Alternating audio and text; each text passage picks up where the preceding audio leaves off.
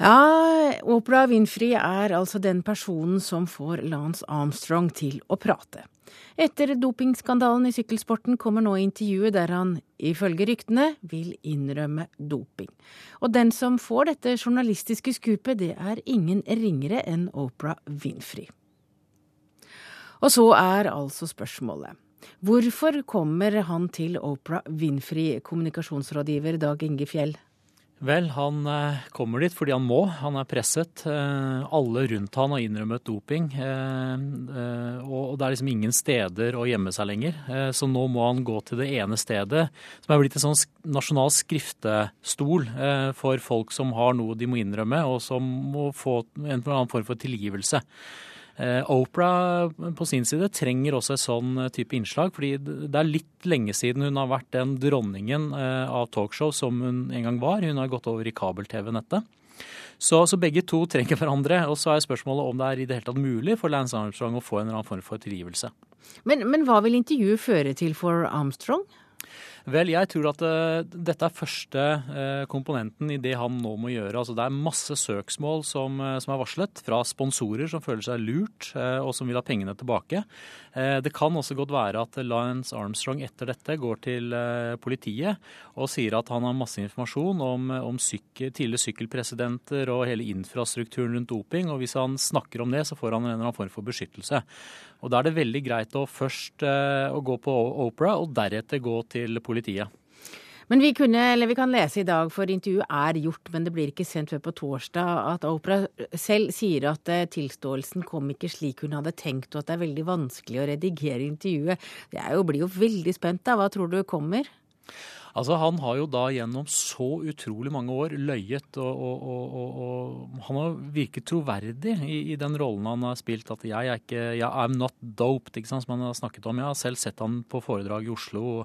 Og det er en sterk historie han hadde. Så, så han, har, han, er såpass uh, indoktrinert i sin egen løgn at det, det, kan nettopp være vanskelig å se uh, at han virkelig kom med noen uh, innrømmelser som er, som er interessante. Men, men, men jeg, tror at, um, jeg, tror at, hvis han er emosjonell, hvis han feller et par tårer, ikke for mye, og, og, snakker om at dette var en måte man, man bare var på i sykkelsporten, så, så er det som sagt kanskje første skritt der. Han bør vel kanskje angre litt òg?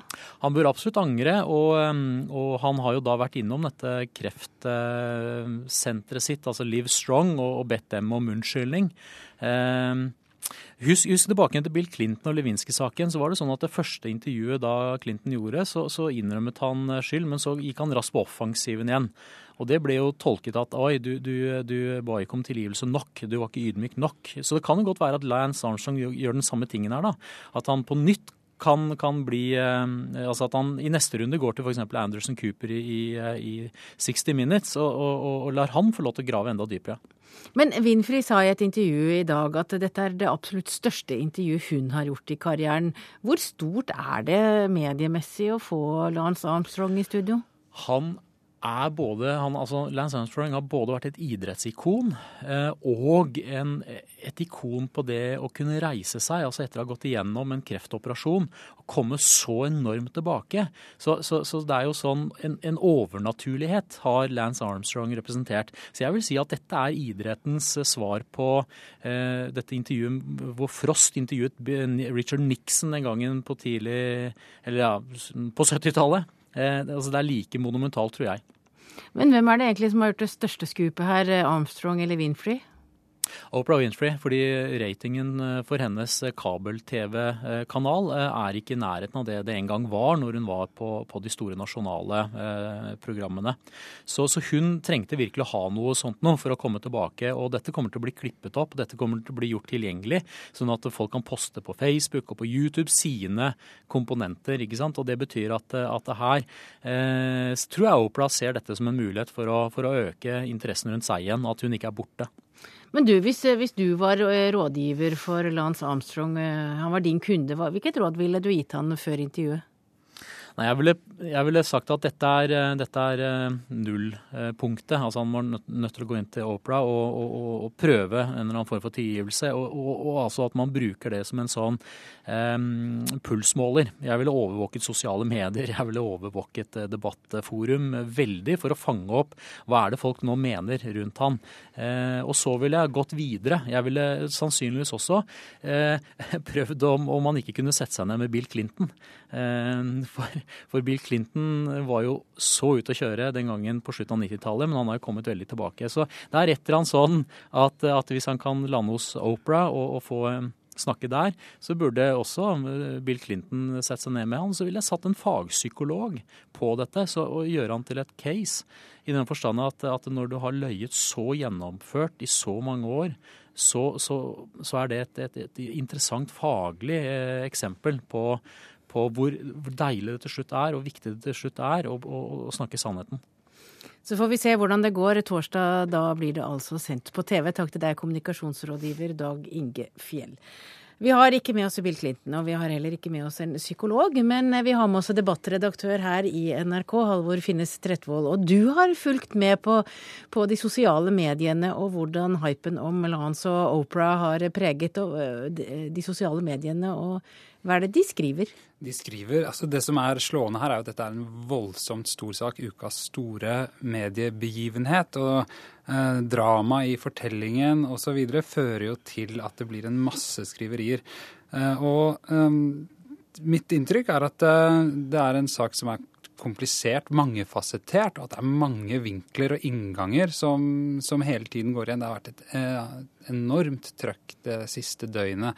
Men eh, Betyr det noe hva Lans velger å si om doping? Ja, altså her er jo spørsmålene kommer i, på løpende bånd. ikke sant? Altså Man diskuterer hva vil han egentlig unnskylde? Hvor langt vil han gå? Hvor flat vil han legge seg? Eh, hvor mange vil han ta med seg i fallet? Var det en kjent hemmelighet som de ansvarlige ikke sa fra om, selv om de visste om det? Altså i Sykkelforbund osv. Fordi for mye sto på spill. Eh, klarer han å gjenreise noe av navnet sitt og tilliten til ham? Og klarer han å bevare noe av den merkevareverdien som er knyttet til hans navn? Altså i hvert fall var det.